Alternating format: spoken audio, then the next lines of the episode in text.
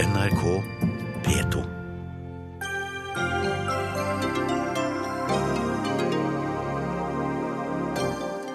Regjeringen forlenger bevæpningen av politiet, men nå med uladde våpen. Et tilbakeskritt, mener Politiets Fellesforbund. Kan vi spise kjøtt med god samvittighet fortsatt? Absolutt, mener kommentator som får motbør fra Dyrevernalliansen. Den lave dieselavgiften gjør det billigere å, for, å forgifte bylufta vår, stormer Naturvernforbundet. Vi trenger litt mer tid, sier regjeringen.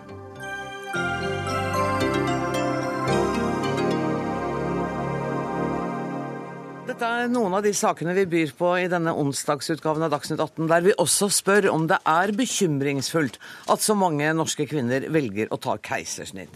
Men aller først skal det handle om bevæpning. For regjeringen har altså besluttet å forlenge den midlertidige bevæpningen av politiet nok en gang. Men våpenet skal ikke lenger være ladd. Etter anmodning fra Politidirektoratet har regjeringen besluttet at magasinet nå skal oppbevares adskilt fra våpenet. Kåre Songstad, du er avdelingsdirektør i Politidirektoratet. Hvorfor har dere bedt regjeringen om tillatelse til å forlenge bevæpningen? Ja, Det har vi gjort fordi vi, vi fortsatt, fortsatt forholder oss til eh, denne trusselvurderingen fra i fjor høst, som beskriver en forhøyet uh, trussel mot bl.a. Uh, våre tjenestemenn. Uh, denne trusselvurderingen har vært utgangspunktet for den spesielle situasjonen som vi har stått i siden den gang, med bevæpnet norsk politi. Det som vi har gjort denne gangen, er at vi har på bakgrunn av det, de erfaringer og det datagrunnlag som, som, foreligger etter mange måneder med den ordningen vi har hatt, justert eh, ordningen på en slik måte at vi, vi, vi, innfører en modell som gjør at vi tar vekk, mener vi, flere av de potensielle skadevirkningene eller faren for uheldige hendelser som, som vi har dessverre sett eksempler på, og som vi er redd for kan komme også i fremtiden. Og Da mener du f.eks. vådeskudd, som det har vært opp mot 20 av, og så mener du også eh, fire tilfeller hvor eh, våpenet er forsøkt fratatt eh, en tjenestemann? Ja, Vådeskuddene har det vært mye fokus på, og 20 er riktig. De fire som det har vært litt fokus på i dag, er faktisk bare de som er rapportert inn for september måned. Så vi, vi har flere tilfeller enn det, og det er en, det er en situasjon som vi er spesielt eh, redd for skal føre til en uheldig hendelse. Men har dere ikke dermed også redusert beredskapen ved at eh, magasinet nå skal være uladd? Det, hva, hva med responstiden nå?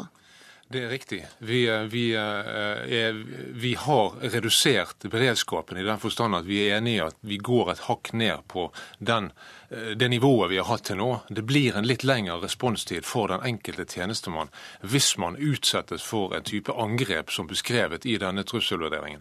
Men vi må, må vurdere dette i et helhetlig bilde, og det er mange andre risikofaktorer knyttet til det at vi går bevæpnet, som her har dreiet vår vurdering inn i en annen faglig vurdering. Det skjønner jeg. Men beredskapen er altså noe redusert. Eh, har PST på noe tidspunkt redusert sin trusselvurdering? Nei, det har de ikke. Trusselvurderingen er i grove trekk stort sett uforandret siden i fjor høst.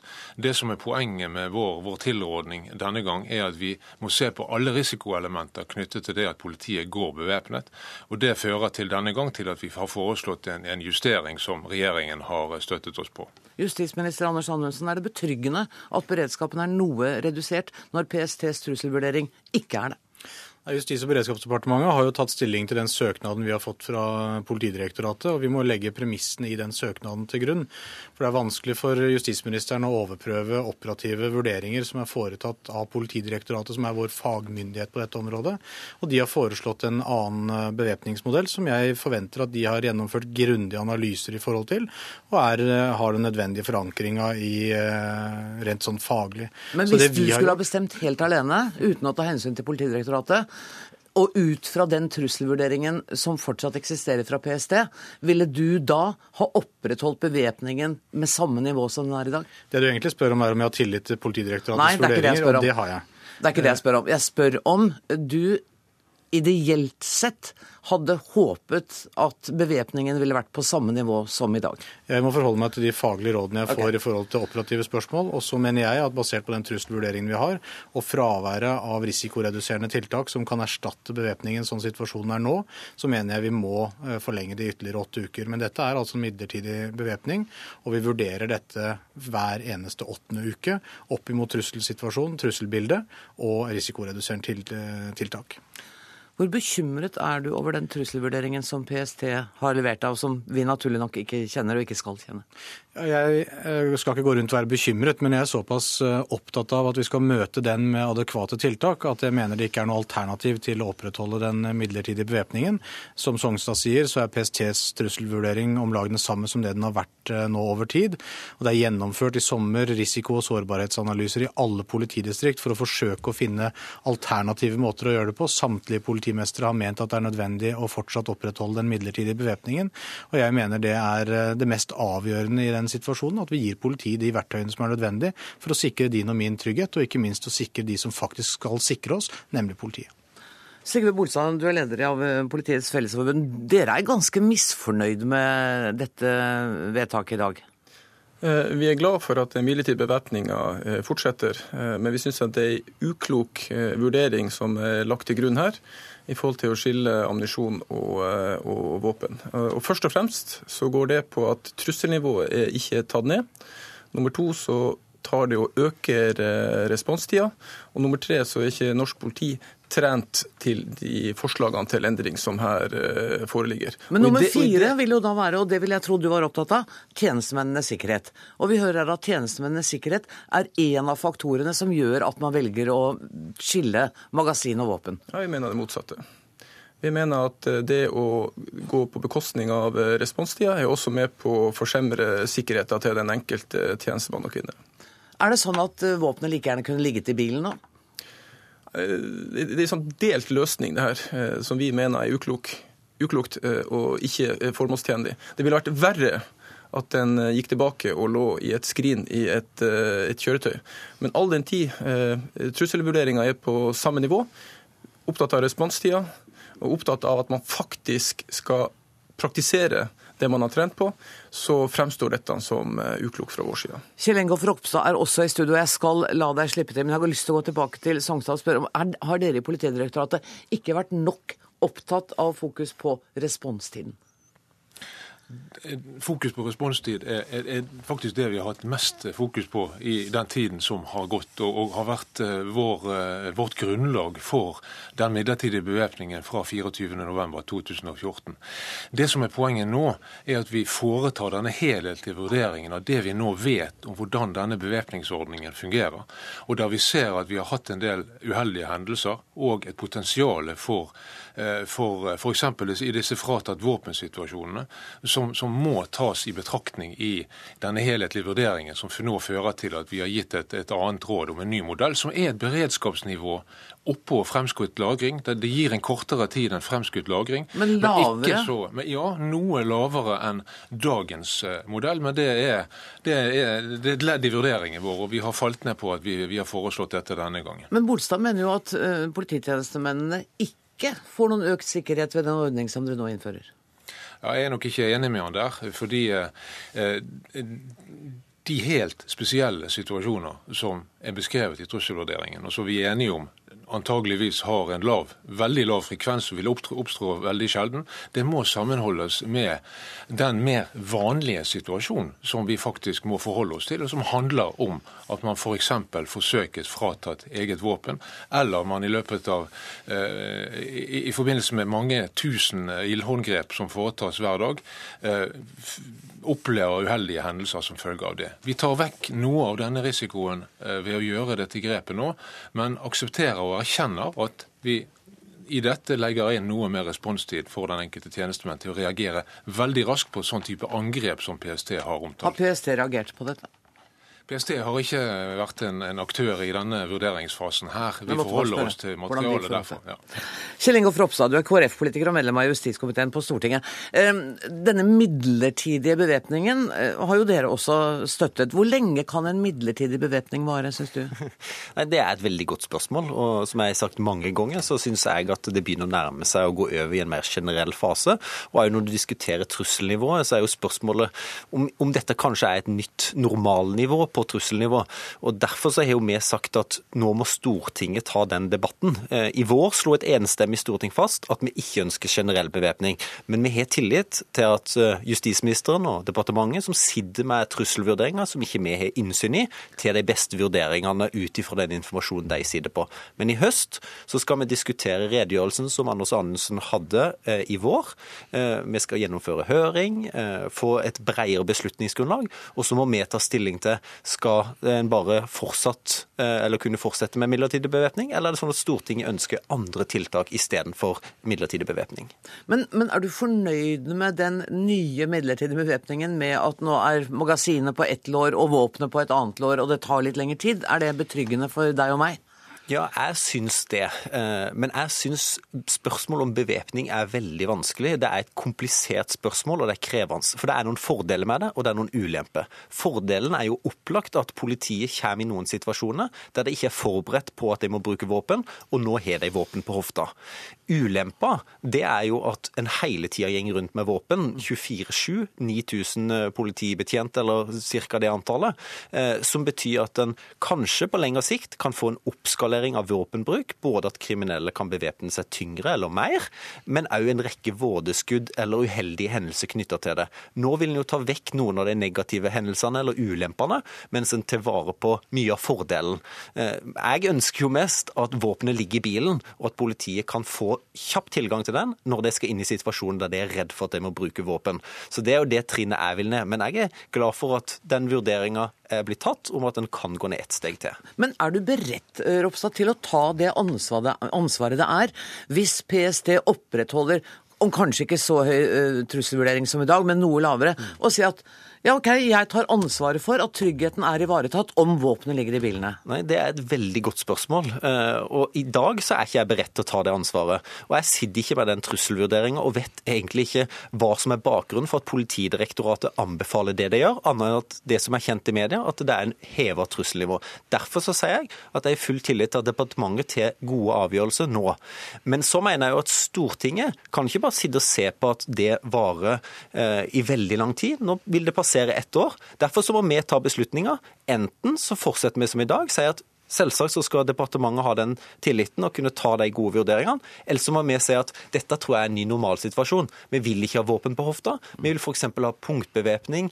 Elektrosjokkvåpen er et spørsmål som blir utreda. Andre alternativer er- vil bli utreda. Men hovedmålet mitt i den debatten som har vært hele tida, det er å være utålmodig overfor justisministeren. Og han har sikkert vært litt provosert innimellom at det er gått for langt. Men for at alle alternativer hele tida skal være vurdert, for det er det som jeg mener et stort, eller som stortingsrepresentant forpliktes av meg. Jeg vet at Bolstad ber om ordet, men jeg må gi det til Anundsen først, for det var direkte Ja, jeg syns det er helt greit at Stortinget og stortingsrepresentanter er utålmodige, men vi må også forholde oss til virkeligheten. Og virkeligheten er de rammene vi har i den analysen som PST har gitt. Og PSTs rolle er å analysere trusselbildet. Og så er det PODs rolle å vurdere hva slags tiltak er det vi må gjennomføre for å sikre oss imot den eh, vurderingen som PST har eh, kommet med. PST foreslår jo selv ikke tiltak i så henseende.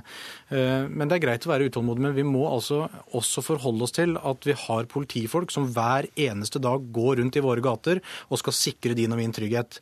Og det er min jobb å trygge deres arbeid, og det er min jobb å trygge din hverdag også.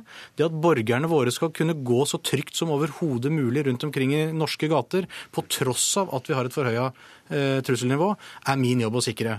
Og da syns jeg det er viktig at vi forholder oss litt til det som er den faktiske ramma, og ikke lager noen store politiske, prinsipielle diskusjoner av hvordan vi skal håndtere en konkret situasjon. Så er jeg enig at vi skal forholde oss til at vi i normalsituasjon skal ha et ubevæpnet politi, men da må vi først komme oss ned til den, norm den normalsituasjonen. Så du er enig i det også? Du er også imot en generell bevæpning av politiet? Jeg forholder meg til at stortingsflertallet har sagt at det ikke skal innføres Jeg noe spurte hva du generelt mente om det. Det må jeg kunne gjøre. Fremskrittspartiet er for et bevæpna Nettopp. Norsk politi, men det er ikke relevant i forhold til den situasjonen vi er i nå med midlertidig bevæpning. Vi må forholde oss til det som er stortingsflertallet, og det skal vi virkelig gjøre.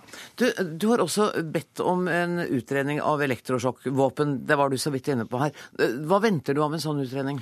Jeg mener det er et spennende, mulig risikoreduserende tiltak som eh, kan bidra til å redusere behov for bevæpning. Det er det Politidirektoratet nå vurderer, om innkjøp av disse elektrosjokkvåpnene kan bidra f.eks. til å erstatte helt eller delvis eh, den midlertidige bevæpningen vi har i dag. Og basert eh, Litt av bakgrunnen for det er at veldig mange av de politiskuddene som vi har sett tidligere, skjer på så kort avstand at det kan være til, tilstrekkelig virkemiddel å ha elektrosjokkvåpen istedenfor skarpladd våpen. Når vil vi vite om dette kan være et aktuelt tiltak? Ja, de, eh, Politidirektoratet holder på å jobbe med det nå. Eh, og den utredningen vil foreligge så raskt som eh, overhodet mulig. For det er et, viktig, et potensielt viktig tiltak mm. som kan bidra til å gi politiet den nødvendige beskyttelsen og innsatsviljen, eller innsatsevnen. Men det kan vi ikke konkludere med før vi faktisk har sett dette svart på hvitt. Ja, så Den virkelige verden er at når tjenestemenn og -kvinner er ute og skal gjøre en jobb for publikum, så vet man aldri når det er en skarp situasjon opptrer. Da er responstida helt avgjørende. Og vi kan ikke utelukke at det faktisk har vært eh, berga liv i det snart året som man har hatt en eh, midlertidig eh, bevæpning. For vår del så lukta dette litt av mistillit til politikorpset i forhold til at man tar ned noe av responstida. responstida. Det er ikke noe heldig signal å sende inn. Og så luktes, lukta man også litt i forhold til at det ligger et politisk eh, press i det som er sendt over her. Det må jeg spørre Kåre Sognsson om. Det, det, politiske presset, hvor hardt har det vært? Jeg har hørt at det, dette momentet har vært fremme i løpet av dagen i dag. Jeg har også svart på dette til, til andre medier. Men vi svarer ganske tydelig på at det er ikke tilfellet. Men dere har merket opinionsholdningen, ikke sant? Vi merker oss hva som skjer og, og hva, som, hva, hva, slags strømninger som er der. Men, men, når det påstås at vi er blitt presset politisk i en eller annen retning, så avfeier vi det ganske kontant. Det har vi ikke. Og Det kan jeg bekrefte så fremt det dreier seg om Justis- og beredskapsdepartementets politiske ledelse, i hvert fall. For det er ikke sendt noen type signaler i den retningen fra oss. Fordi det er viktig for oss at vi skal ta beslutninger basert på faglige, gode råd fra vår fagmyndighet, og det er Politidirektoratet. Fra når blir denne nye bevæpningspraksisen innført? Den, eh, vi har nå i vårt eh, tilsvar sagt at den kan innføres etter at nødvendig opplæring er gitt. Eh, I den grad det er behov for ekstra opplæring, og det har jeg forstått at det er, så vil den gjeldende bevæpningsordningen nå gjelde frem til nødvendig opplæring er på plass. Men foreløpig ingen bevæpning utover 15.12., er ikke det riktig? Det er riktig. Ja. Tusen takk for at dere kom. Kåre Sognstad, Anders Andersen, Sigve Bolstad og Kjell Ingolf Ropstad. Dere skal gå ut, for inn i studio eh, kommer en ny gjest, politisk kommentator her i NRK, Magnus Takvann. Takvam. Eh, hva er grunnen, tror du, til at den nå endrer praksisen med ladd våpen? Nei, Som Politidirektoratet selv sa her, så, så, var det jo en del uheldige erfaringer rett og slett med den typen veldig skarp bevæpning av politiet. med vådeskudd og faren for at uh, ladede våpen da kunne bli stjålet. Så helt åpenbart har, har, dette fått Politidirektoratet til å gå ned på skalaen når det gjelder skarphet i bevæpning her. Men hvor, hvor, lett ville det vært for en justisminister i den situasjonen vi har nå, å oppheve bevæpningen?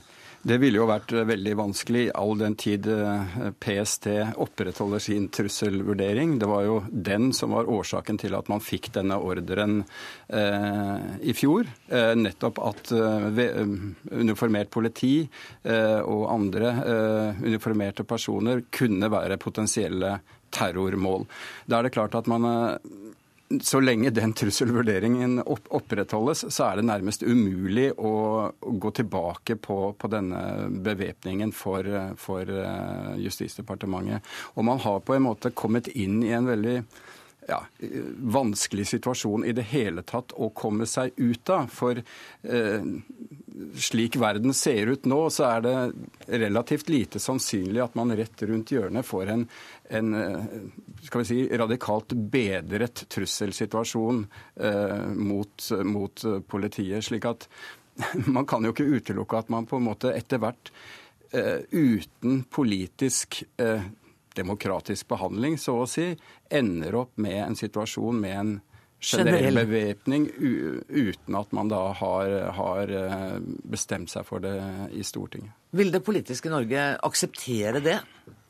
Man er på en måte i en tvangssituasjon. Jeg, jeg, jeg tror På den ene siden, som jeg, som jeg, var inne på, så er det vanskelig for Stortinget også. Eh, et stortingsflertall vil neppe, eller jeg er helt sikker på, et stortingsflertall vil ikke ta ansvaret for å overkjøre regjeringen her og kreve en slutt på denne midlertidige bevæpningen. Og jeg tror heller ikke stortingsflertallet eh, vil gå inn for en generell eh, bevæpning på, på, varig basis av norsk politi, for det er det rett og slett ikke politisk eh, flertall for. Så vi er i en veldig eh, krevende Eh, situasjon på den måten.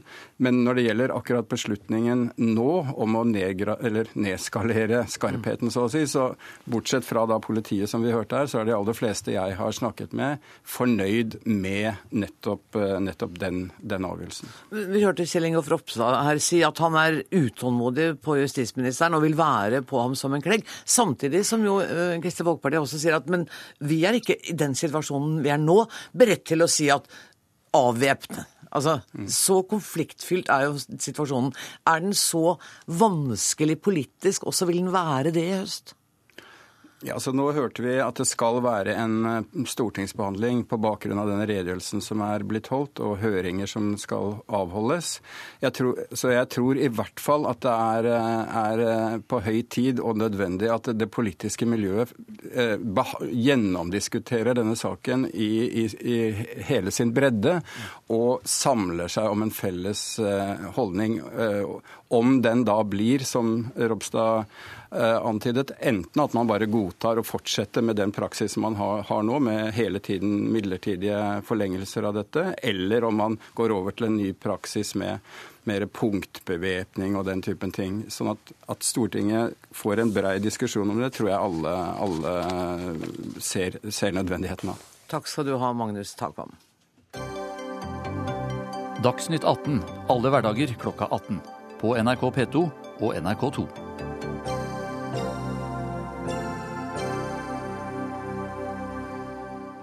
Situasjonen i Jerusalem blir stadig mer spent. Åtte israelere og om lag 30 palestinere har blitt drept de siste to ukene, og i dag opplyste israelske myndigheter at det skal plasseres ut flere hundre soldater for å hjelpe politiet i Jerusalem. I ettermiddag kom det melding om at en palestinsk mann ble skutt og drept i byen etter at han skal ha forsøkt å knivstikke en israelsk politimann. Sissel Wold, tidligere Midtøsten-korrespondent og nå utenriksmedarbeider her i NRK. Kan du forklare meg hva det er som skjer i Jerusalem nå? Det er helt forferdelig. Men det rett og slett koker over for den palestinske delen av befolkningen.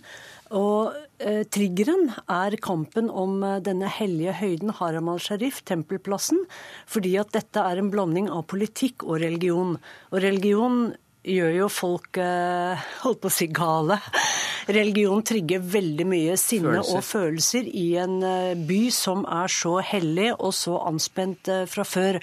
Og en del av dette er også langvarig frustrasjon over okkupasjon, over ufrihet, over begrensninger, over mangel på like rettigheter. Det, blant palestinerne så er det også stor frustrasjon overfor deres egne ledere, de palestinske politikerne, som er korrupte. Deres barn blir plutselig veldig rike, får gode kontrakter, mens de ikke ser noen bedring på bakken. De ser ikke noe utsikt til at de skal få en egen eh, stat eller like rettigheter.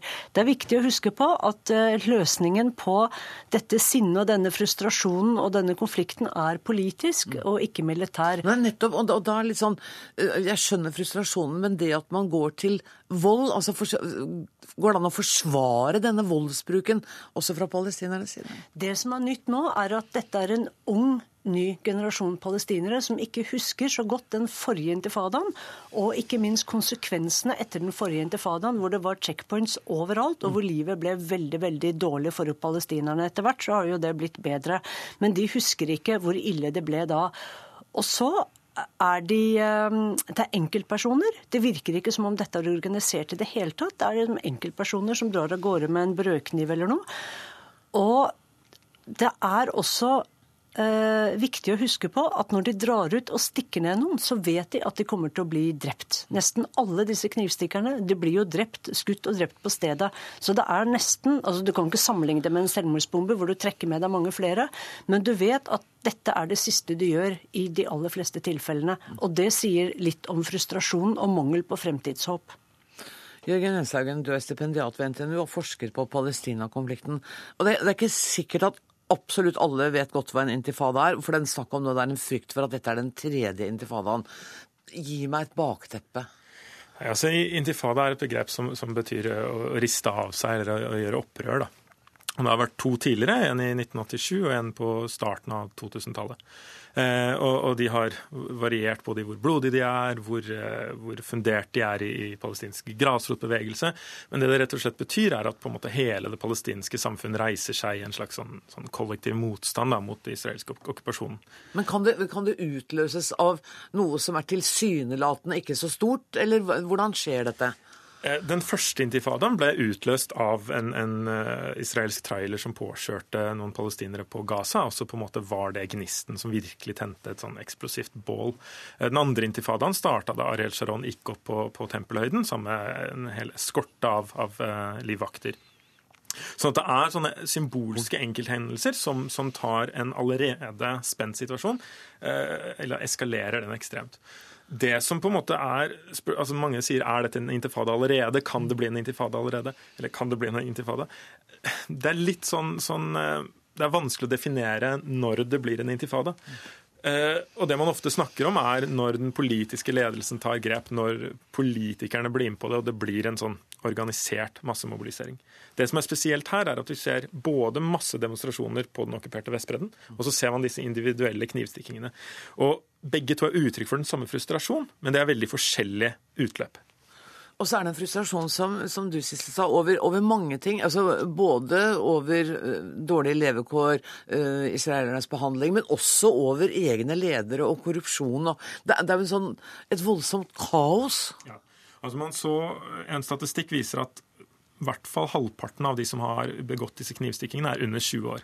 Så Det betyr at dette er en ung generasjon som ikke altså En ting er at de ikke husker følgene av den andre intifadaen, men de har heller ikke hatt noen periode med fremtidsutsikt. Altså Hele deres levetid har på en måte fredsprosessen vært død. Eh, eller hele deres voksne minne da, er, er basert på en sånn fravær av fremtidsutsikter. Eh, og, og Mahmoud Abbas, palestinernes president, mister jo stadig Eh, tilhørere, fordi han klarer ikke å levere. Eh, Israel beveger seg enda mer mot høyre. Og så får du i tillegg denne radikale bosetterbevegelsen som, som har utført en del angrep. Spesielt denne brannbomben mot denne palestinske familien hvor, hvor tre mennesker døde. Så, sånne ting er det som virkelig trigger dette raseriet, sånn at det går fra frustrasjon til et eksplosivt raseri. Men, men dere, dere, snakker om disse unge menneskene som ikke husker den forrige intifadaen, og som er uten fremtidshåp. Det at Oslo-avtalen nå virkelig er begravet, Sissel, har det noe å si? Det vi må huske på, er nettopp som eh, Jørgen Jensehaugen nevner, at Israel har beveget seg så langt til høyre. Så Netanyahu han presses fra høyre, han nå. Selv om vi tenker på Netanyahu som en veldig altså, haukete politiker som ikke har vært veldig interessert i å prøve å forhandle om fred. Selv om han sier det, så gjør han noe helt annet. Han bygger ut mer bosettinger på Vestbredden. Men grunnen til at Israel har beveget seg så langt til høyre, er én million russere som har immigrert de siste 20 årene, som kommer med mye nasjonalistiske synspunkter. Det er en vanvittig vekst blant de ultraortodokse i Israel, som gjør at Israel ble mer religiøst, og så har bosetterne vunnet sin kamp. Den israelske fredsbevegelsen er død, om ikke begravet. Den eksisterer ikke lenger. Det er ingen reell opposisjon i Israel i dag. Og nettopp at det er de religiøse og nasjonalistiske kreftene som vinner frem, gjør også at de presser på på tempelhøyden. Mm. Fordi at du får mer og mer altså, støtte og flere og flere grupper som nå står frem, som ønsker å bygge et tredje tempel på denne Haram al-Sharif. Og det betyr jo at du må rive eh, muslimenes tredje helligste sted etter Mekka og Medina. Og, da, det blir det ikke fred av. Nei, nettopp. Da blir det ikke fred. Nei. Men, men Jenshagen, du sier også at uh, Abbas uh, mangler tilhengere og tilhørere fordi han har heller ikke levert. Hva kan han gjøre? Nei, Problemet hans er at han gjør så godt han kan på veldig mange spor samtidig. Eh, og ingen av de sporene fungerer. Det ene sporet er jo forhandlingssporet, som har fullstendig kollapsa. Nå snakker vi om fredsprosessens død. Eh, det andre er FN-sporet, hvor man prøver å reinternasjonalisere konflikten ved å få nye resolusjoner, bringe EU på banen. Få, få, få et styrket FN-spor, altså erklære en, en palestinsk stat. Men ingen av disse når helt fram. Og så er det jo palestinske samfunnet splitta politisk og geografisk mellom Gaza og Vestbredden, også flyktningbefolkningen. Så han klarer på en måte ikke å forene noen av strategiene sine i en fungerende plan. Og så går økonomien ikke så veldig bra. Og, med, alt annet som skjer, så er det ikke akkurat liksom oversvømmende av penger heller. Og samtidig så føler jo israelerne at de er eh, dårlig behandlet. De er utsatt for terror fra palestinerne. Det bidrar jo heller ikke til et godt diplomatisk klima for fredsforhandlinger. Overhodet ikke. Og det er et mareritt. Og for israelere Jeg så i dag bilder av at sentrum av eh, israelsk Vest-Jerusalem helt tomt for folk. Ikke et menneske. Det er jo et mareritt, fordi på alle arbeidsplasser i Jerusalem så jobber israelere og arabere sammen. Fordi at eh, palestinerne Araberne er billig arbeidskraft, og de vil gjerne ha jobber, og sånn har det alltid vært. Sånn at det er jo en delt by, selv om det også er en by der hvor folk fungerer på et vis eh, sammen. Så dette er jo et totalt mareritt. Og eh, nettopp muren har gjort at en ny generasjon israelske jøder ikke har noe kjennskap til livet og til eh, palestinske, eh, altså sine palestinske jevnaldrende på samme måte som for ti år siden. Men hvis jeg får lov til å nevne, altså det er dette sikkerhetssamarbeidet som israelske etterretningen Shin Bet har hatt med den palestinske sikkerhetsorganisasjonen på, på Vestbredden. De samarbeider jo for at man skal hindre angrep mot israelske jøder, mot israelere. Sånn at, at dette er på en måte ivaretatt ivaretatt. Eh, Netanyahu skylder på president Abbas for at det er hans skyld, mens israelske sikkerhetsfolk sa i går at, at du kan ikke skylde på Abbas for at vi har jo et samarbeid.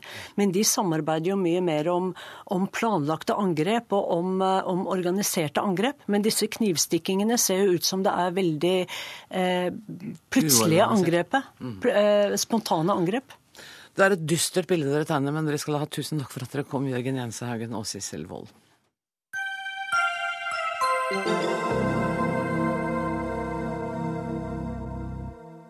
biffen din og sov godt, for sykdommer som før påførte dyrene store lidelser, ja, de er utryddet, og de fleste dyr i fjøset får rikelig med vann og mat, varme og oppfølging fra en veterinær når det er nødvendig. Joakim Lund, kommentator i Aftenposten, dette skriver du et debattinnlegg i dag, og retter en streng pekefinger mot folk og organisasjoner som mener at det er umoralsk å spise kjøtt. Er jo det. Det er umoralsk ja, å spise det? kjøtt. Ja. Det, kan, eh, det, kan, være det. Jeg syns det er helt greit å snakke om mat og, og moral, for det er masse, masse moralske dilemmaer i, i, konsumet vårt. Men eh, jeg tror det er altfor enkelt å si at eh, det er umoralsk å spise kjøtt og ferdig med det. Det, er, det blir en banal, en banal, debatt, egentlig. Fordi du mener at dyra har det ikke så ille som f.eks. Dyrevernalliansen mener? Um, nei, eh, altså Det jeg mener er at det er grader av dyrevelferd. Det går ikke an å si at um, produksjonsdyr har det fælt per se, og derfor er det umoralsk å spise dem. Nei. Det er umoralsk å spise, spise, de dyrene som blir utsatt for veldig dårlig dyrevelferd. Men hvordan vet jeg det, da? Det er kjempevanskelig å vite. Ehm, det er For forbrukerne så er det, det er få dårlige merkeordninger, og det er vanskelig å vite i hvilken grad dyrene har eh, fått eh, god dyrevelferd. Enten de er økologiske eller ikke. Det er spiller egentlig... ikke det noen rolle, egentlig? Jo, det spiller noen rolle i noen tilfeller. Slaktekylling f.eks. Så, er, så er de økologiske alternativene der har mye bedre dyrevelferd enn de som ikke er det. Men storfekjøtt, er det noen forskjell der f.eks.? Ja, det er helt sikkert. Det er, men, men, det er vanskelig å finne ut av det. Så det jeg mener er jo at man bør i stedet for å spise masse billig kjøtt som har store konsekvenser for, eh, for dyrevelferd og for helsa di og for eh, klima og alt mulig, så bør man spise mindre kjøtt eh, og velge kjøtt fra produsenter som driver med et høyt nivå av dyrevelferd. Og du mener at det er mulig for meg som forbruker å finne ut hvilke produsenter som driver med et godt dyrevelferd? Ja. En god del, det mener du? Ja. Lise Kleveland, informasjonsleder i Dyrevernalliansen. Du er Live, unnskyld meg, jeg sa feil.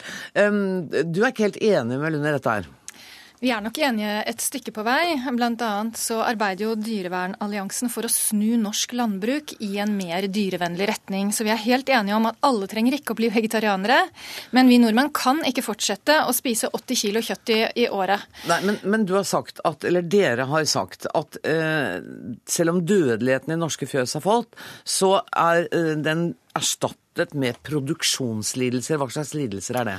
Det er lidelser som vi mennesker påfører dyrene fordi vi har avlet dem til å produsere så fryktelig intensivt, og fordi vi spiser så innmari mye kjøtt at en naturlig konsekvens av det blir at dyrene stues sammen på veldig trang plass. Og Da får de skader, de får sykdom og lidelser. Jeg kan jo nevne noe. Eh, kylling f.eks. Eh, blant vanlige norske kyllinger som du kjøper i butikken, så er det mange som har alvorlige bevegelsesproblemer på det tidspunktet de slaktes. Da er de fortsatt ungdommer. Og de ligger ned i strøet. Hvis du kommer i et vanlig kyllingfjøs, så vil du se at fuglene ligger ned helt unormalt for en frisk kylling, fordi de har så svakt skjelett. Eh, og Det har å gjøre med at veksthastigheten til disse kyllingene har økt med eh, rundt 60% i løpet av de siste 40 årene. Lungekapasiteten har ikke økt tilsvarende. Det skyldes avl. Så den myten at dyrene som produserer bra, har det bra, den er feil. Men, men nå sier Lund at man, det går an for oss forbrukere å finne ut hvilke uh, bedrifter som driver med godt dyrevelferd. Ja, det er jo litt ymse om det går an for forbrukerne å finne det ut. Men det som er sikkert, er at det er fullt mulig å drive landbruk med bedre dyrevelferd. Men da må de produsere færre dyr på mer plass, og det vil koste litt mer å drette opp hvert dyr, rett og slett fordi at de vil bruke lengre tid på å vokse, og de vil ta mer plass. Og det er det noen som gjør? Det er noen få som gjør det, men eh, dessverre så legger jo norsk landbruk ikke opp til en slik eh, mulighet. I norske butikker så får man stort sett eh, samme type kjøtt overalt. Og det er helt umulig for forbrukerne å orientere seg. Skal du orientere deg, så må du faktisk inn på Dyrevernalliansens nettsider. Du finner ikke stempel på produktene. Og regelverket i Norge er for dårlig. Det er på samme nivå som hele resten av Europa. Det er en myte å tro at norske dyr har det veldig mye bedre enn dyr i Polen, Frankrike, Frankrike, England, andre europeiske Nå har ikke jeg invitert landbruksministeren hit i dag, jeg har bare invitert dere to. Men må, vi må holde dette liksom på et sånn forbrukernivå, tror jeg. Og da lurer jeg på, hvor ofte syns du man kan spise rødt kjøtt øh, og gjøre det forsvarlig? Jeg syns ikke det er riktig å sitte og synse om det. Det kan være forskjellig for ulike forbrukere, og det spørs på hva slags type kjøtt man spiser også. Ja, men, men. Alliansen din mener jo at det er uetisk å spise kjøtt i det hele tatt. Den artikkelen leste jeg. Dyrevernalliansen er ikke mot å spise kjøtt, nei. Da har du misforstått. Dyrevernalliansen mener at det er mulig å spise kjøtt, men vi må spise mye mindre av det enn vi gjør i dag. Eh, og eh, vi kan ikke fortsette å drette opp dyr på den måten som vi gjør i dag. Men Dyrevernalliansen mener at det er fullt mulig eh, å drive landbruk på en dyrevennlig måte. Og vi samarbeider også med enkeltbønder gjennom prosjektet Bedre dyrevelferd. Det er bønder som går foran og gir dyrene en bedre velferd. Mm. Så du mener også at det går godt an å spise biff med kjempegod samvittighet i Norge i dag. Så der er du helt enig med Joakim Lund? Det kan gå an, men ja. ikke på langt nær så ofte som man gjør i dag. 80 kilo kjøtt i året for gjennomsnittsforbrukeren, det er en økning på 40 kilo i løpet av de siste 40 årene. Det er altfor mye kjøtt til at det er både sunt, bærekraftig og mulig i forhold til dyrevelferd. Men da er jo uenigheten ikke så stor for Joakim Lund. Jeg tror jo ikke at du heller spiser 80 kilo Om dagen. Eh, nei, men eh, altså, du hører jo det er veldig vanskelig å få eh, Dyrevernalliansen også, selv om dette, dette, er jo en ganske sånn moderat organisasjon egentlig, til å si at det er greit å spise kjøtt. Det er kjempevanskelig. og Det tror jeg er det store problemet eh, med dyrevernorganisasjonene. Jeg må nesten si at jeg har skrevet en bok som kommer ut nå i, i, på fredag som handler om akkurat de tingene her. Du er bare i studio to dager for tidlig, rett og slett? Ja, det var veldig dårlig timing. Men det jeg oppdaget da jeg gjorde research til, til, den boka, er at dette er kjempekompliserte ting. Det går ikke an å si at alle dyr har det dårlig, eh, derfor skal vi ha dårlig samvittighet for eh, å spise kjøtt. Og eh, Du var selv inne på slaktekylling. Dyrevernalliansen har et veldig fint skjema på sine sider som viser hvilke produsenter som driver med høy grad av dyrevelferd. Det er kjempebra, men jeg tror det er det vi må kommunisere. At det går an å, å, tenke etisk også som konsument. Uh, og, og, ikke at konsumentene alltid må ha dårlig samvittighet for å spise kjøtt. For Hvis det er retorikken, så sparker du beina under de produsentene som driver bra. Eh, Dyrevernalliansen eh, er jo på lag med forbrukerne, men problemet er at det er ikke myndighetene. For Men, men litt for Du sier at Dyrevernalliansen er på lag med forbrukerne. Men jeg tenker at enten, for, som forbruker så er jeg enten litt sånn bevisst, bevisstløs, at jeg orker ikke å tenke på det, eller så gjør jeg det ikke fordi at jeg vet ikke, jeg kjøper ikke fordi at jeg vet ikke hvor det kommer fra. Og Det hadde vært deilig å liksom kunne være litt mer velinformert, da. Og det er nettopp det Dyrevernalliansen arbeider for at du skal kunne bli. Det er jo slik at ingen forbrukere ønsker å støtte dyremishandling. De aller fleste forbrukere vil, hvis de får valget, ønske å heller betale litt mer for at dyrene skal få det bedre. Mm. Og en moderat kostnadsøkning, f.eks. Eh, på kylling, det er snakk om rundt 5% for Det tror jeg veldig mange vil få akseptere, faktisk. men, men det er allikevel ikke noe myndighetene vil tilrettelegge for. Jeg må må bare igjen si det, Landbruksministeren er ikke her, og vi er nødt til å ikke angripe en minister som ikke er til stede. Eh, Lund, 5 økning på kjøttvarer. Ja, jeg tror med litt mer penger til, eh, til produksjon av kjøtt, så vil eh, veldig mye dyrevelferd kunne bli bedre også. Men for at forbrukerne skal kunne velge det som er bra, så må de også vite hva som, hva som er bra. Da kan ikke dyrevernorganisasjonene si at eh, du spiser kjøtt, du er en synder. De må si at du må velge kjøtt på denne måten. Dette er kriteriene du skal velge ut fra. Og det er den hjelpa jeg ser etter. Tusen takk for Da at dere kom. Joakim Lund og Line Kleveland og jeg skal lese boka di. Hør Dagsnytt 18 når du vil. Radio NRK.no.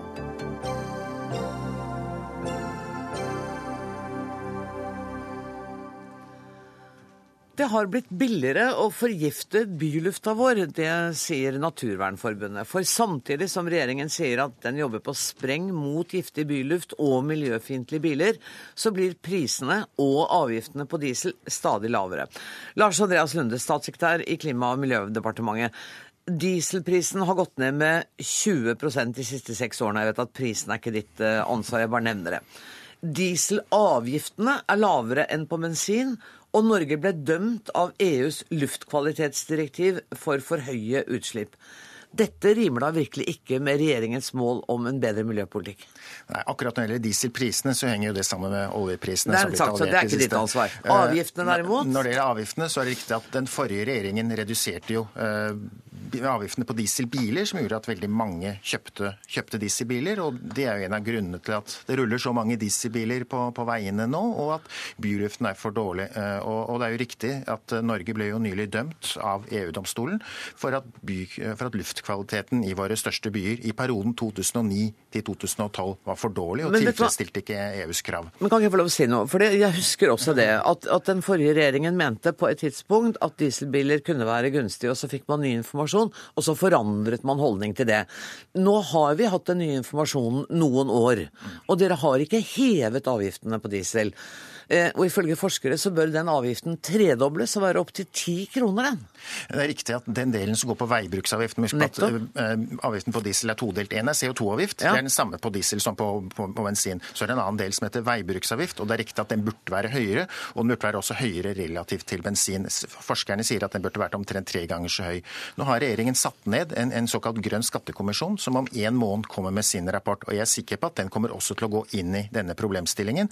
Og regjeringen skal ta, ta en helhetlig gjennomgang av eh, avgiftene for å se om det kan være behov for justeringer. Og, og, og det er riktig, faglig sett så kan det være behov for, for å øke eh, veibruksavgiften på diesel. Men skal vi også huske på at avgiftene på diesel og bensin for så vidt i, i Norge vi ligger nesten på topp i Europa. Det er vel bare Storbritannia som har høyere avgifter på drivstoff enn det vi har i Norge. Og det er klart Blir avgiftene i Norge veldig mye høyere enn våre naboland, så blir det en utfordring. Lastebiler bruker stort sett bruker bare diesel. Og det er klart Vi må hindre at vi får en utflagging av lastebilflåten til våre naboland, eller at lastebilene kjører omveier over grensene til våre naboland for å fylle, som igjen vil øke eh, transportavstanden og, være dårlig for miljøet. Men så kunne man vel differensiere mellom profesjonell eh, transport og den private. For vi nordmenn har også økt dieselbruken med 60% i løpet av ti år. Det er riktig fordi det ruller veldig mange flere dieselbiler på veiene som følger av at dieselbilene for noen år siden ble veldig mye billigere enn hva de hadde hatt, og relativt sett også billigere enn bensinbiler. Og denne NOx, eller som er da en fellesbetegnelse på NO og NO2, som er veldig giftige gasser, hvorav 80-90% av de gassene går inn i kroppen og oppsuges i kroppene våre. Eh, hvor alvorlig ser dere på dette her, egentlig? Eh, vi ser på, det, ser på det, tar dette veldig på alvor. Nå har riktignok luftkvaliteten blitt noe bedre siden 2012, men vi er på langt nær i mål ennå. Vi overstiger, Det svinger litt fra år til år, men, men vi overstiger fortsatt kravene. Og vi overstiger krav, kravene til det som er helsemessig forsvarlig. Derfor har regjeringen satt ned et betydelig arbeid for i kommunene eller byene da, de virkemidlene de trenger. Kommunene har mange virkemidler i dag. Det går på piggdekkavgift, køprising, renhold av veiene osv. Men de er etterlyst, og de skal få flere virkemidler. Bl.a. har vi satt i gang et lovforslag for, lage, for at kommunene skal kunne opprette såkalte lavutslippssoner. Mm. Da må jeg slippe til Holger Slagpitz, som er fagsjef i Naturvernforbundet. Blir du fornøyd av å høre det statssekretæren sier her? Det er jo noen gode signaler han gir om at det kanskje kommer noen endringer på sikt, men disse endringene skulle vi ha hatt for lengst. Altså, dette er ikke noen nye utfordringer. Luftkvaliteten har vært dårlig i byene lenge. Det er, uh, har det vært gjennom skiftende regjeringer. Og uh, det er litt rart at uh, vi da skal vente på ytterligere utredninger, f.eks. en grønn skattekommisjon. For hva mener du kunne vært gjort nå? For det første så eh, må vi gjøre noen omlegginger på kjøpsavgiftene på bil, sånn at eh, både CO2 og nitrogenoksidene, eller NOx som du nevnte, blir, eh, blir dyrere. Altså det blir dyrere å kjøpe biler som har høye utslipp. For det andre så er det kjempeviktig å få gjort noe med nettopp prisen på drivstoff. Altså avgiftene. Det er, som du sier, veldig ulogisk at dieselavgiftene er så mye lavere enn på bensin. Mm. Og Det er ting som det går an å gjøre noe med nå. Men da vil jo det få konsekvenser da for tungtransporten? Ja, men også tungtransporten trenger virkemidler. Vi har eh, stort behov for å få mer gods over på jernbane. Folk klør seg i huet på hvordan skal vi få oppfylt målet om å flytte gods eh, fra vei til bane. Mm. Det er en stor utredning som er gjort på det akkurat nå, som viser at det trengs eh, økte avgifter bl.a. for å få til det.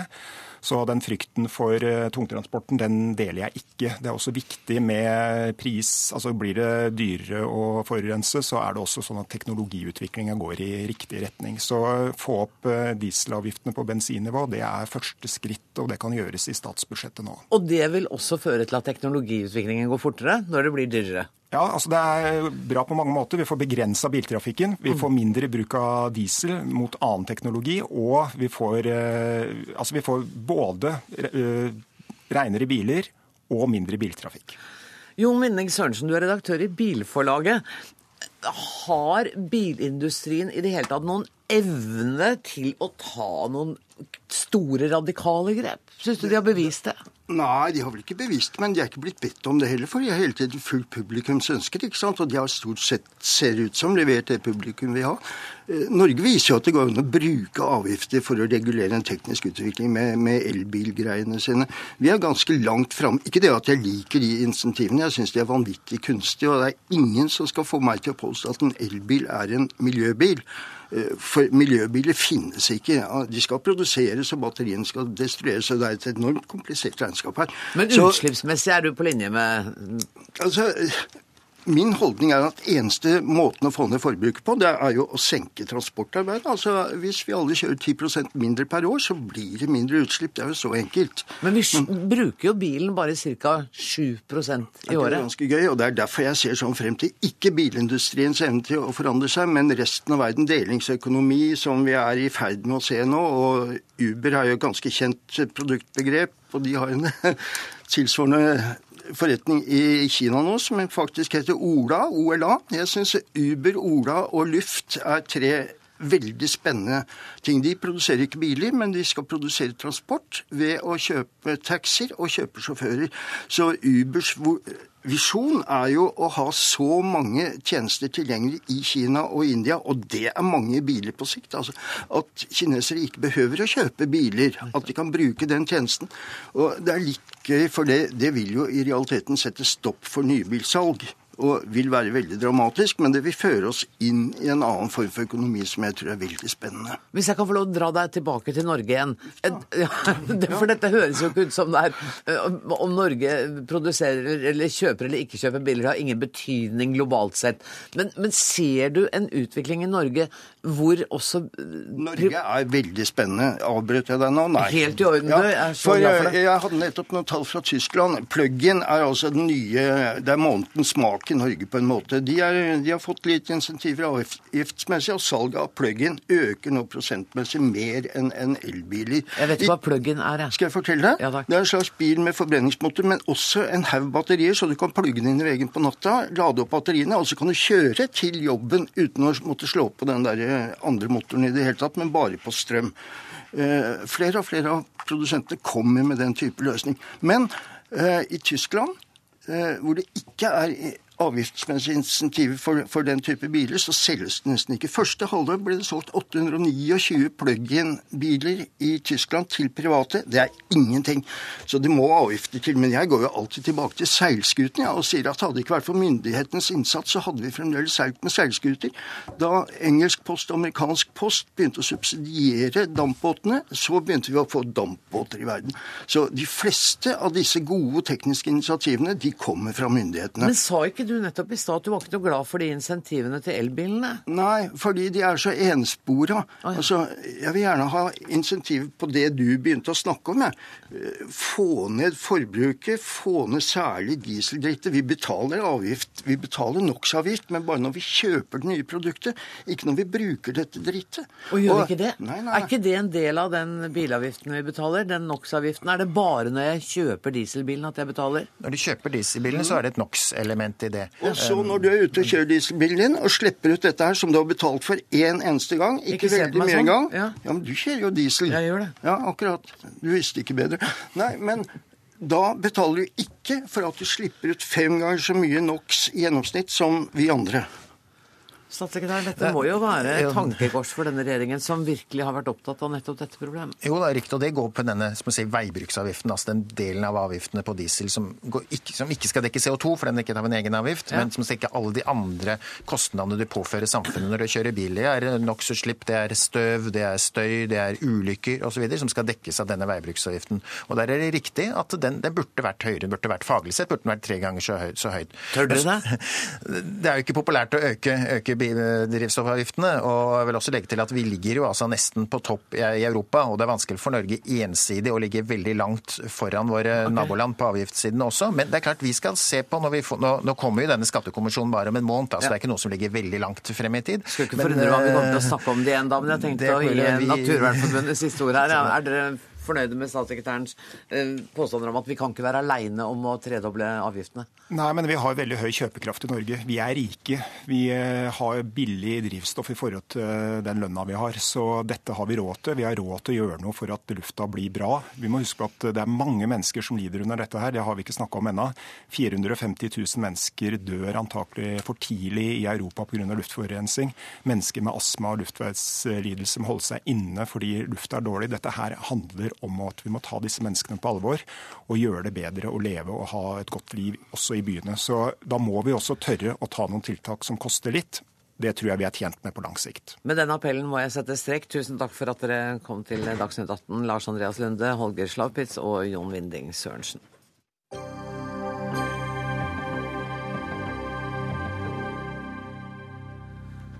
Stadig flere barn kommer til verden ved keisersnitt, og ofte fordi mor selv velger det. De siste tallene fra fødselsregisteret er fra 2013, og de viser at 17% av barna ble forløst med keisersnitt. Men keisersnitt kan gi diabetes, astma, allergi og overvekt hos barnet senere i livet. Og det kan også gi større sykelighet hos mor. Trond Melby Mikkelsen, du er overlege på fødeavdelingen ved Oslo universitetssykehus, Rikshospitalet. Det er du som kommer med denne advarselen i Dagsavisen. Hvor farlig er keisersnitt når det er altså selvvalgt? Jeg snakker ikke om akutte keisersnitt. Keisersnitt er, når det er planlagt, ikke forbundet med stor risiko, men med større risiko enn naturlig fødsel. Vi mener at keisersnitt noen ganger er helt, helt nødvendig, et viktig inngrep, men det er et stort kirurgisk inngrep og bør brukes i de riktige tilfellene. Hvorfor Altså, de, de skadene som du påpeker, diabetes og større fare for, allergi Flere av disse sykdommene kan jo også barn få om de er født på den vanlige måten. Ja, det stemmer. Og, og det er eh, flertallet som er født etter keisersnitt, får heller ikke sånne tilstander. Men vi ser at det er flere av de som er født etter keisersnitt, som har astma, som har allergi og andre kroniske sykdommer, sammenlignet med de som er født naturlig. Eh, bør det ikke være helt opp til kvinnen selv å velge fødselsmåte?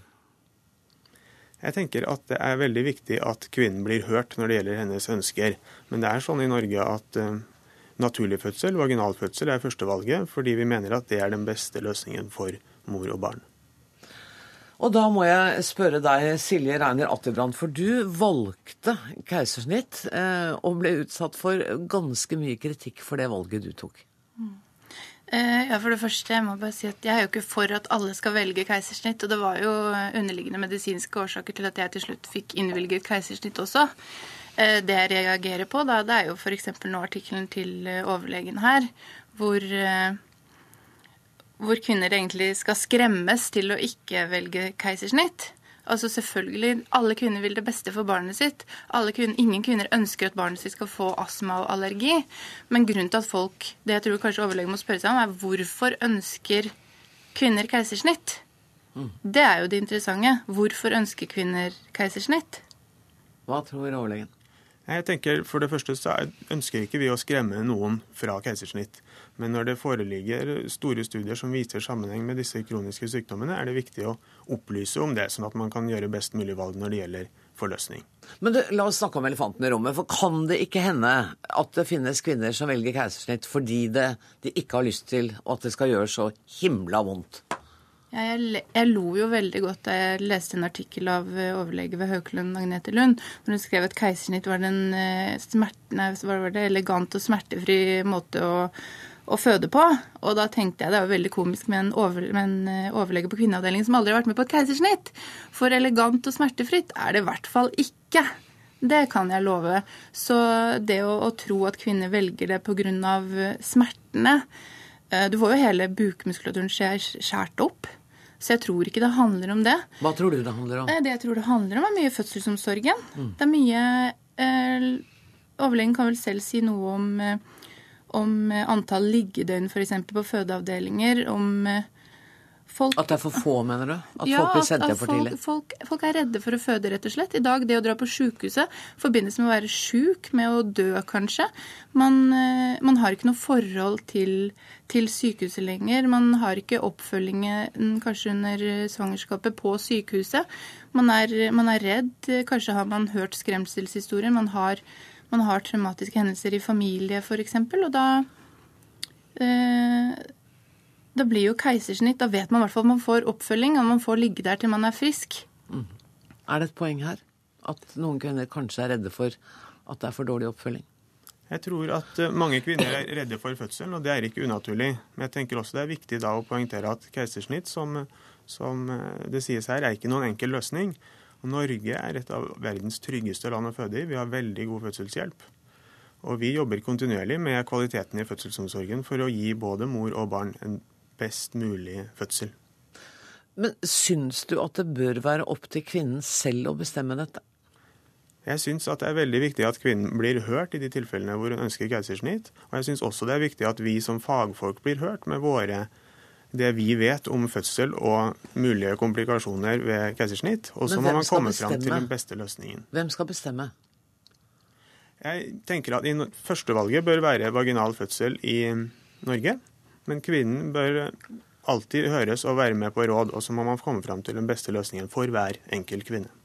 Uh, Silje Rainer Atterbrand, du fikk mange reaksjoner da du valgte å fortelle at du eh, skulle ha keisersnitt. Hva slags type reaksjoner fikk du? Nei, altså, I etterkant av det jeg ble så forbanna på det er jo, Nå har, har ikke jeg vært i noen fødselsverden, for jeg hadde ikke i utgangspunktet planlagt å få barn. Men uh, da det først skulle skje, og, og jeg fikk innvilget keisersnitt, så var det veldig mange som hadde reaksjoner på det. Både uh, venner og kjente, helt randome folk. Eh, noen... Som syns de kunne tillate seg å mene noe om Ja, og det er det. Det er på en måte det Jeg syns jo det er et paradoks, da. At samtidig som det, det kuttes i, i fødselsomsorgen, sånn som på Haukeland, hvor de sier at den nye fødeavdelingen bygges med halvparten av plassene, fordi at mødre og barn skal ut av fødeavdelingen, halvparten skal ut i løpet av åtte timer. Og samtidig så, så, kommer det artikler sånn som her fra overlegen, da, hvor de, hvor de skriver at vi ikke skal ha keisersnitt, og, og andre som eh, skriver at uh, mødre må for all del amme. Mm. Men hvordan på en måte mener de at folk skal føle seg trygge til å føde, når de samtidig vet at det er en viss risiko for at de føler seg kasta ut? da. Etter åtte timer? Etter åtte timer. Hva sier du Mikkelsen om det? Åtte timer er litt kort, kanskje?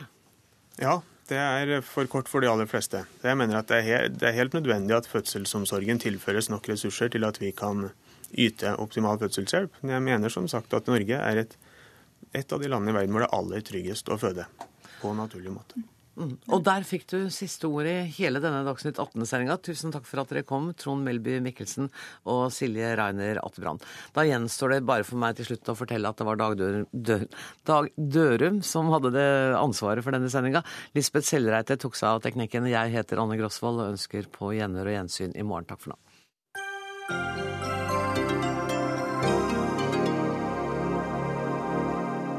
Hør flere podkaster på nrk.no podkast.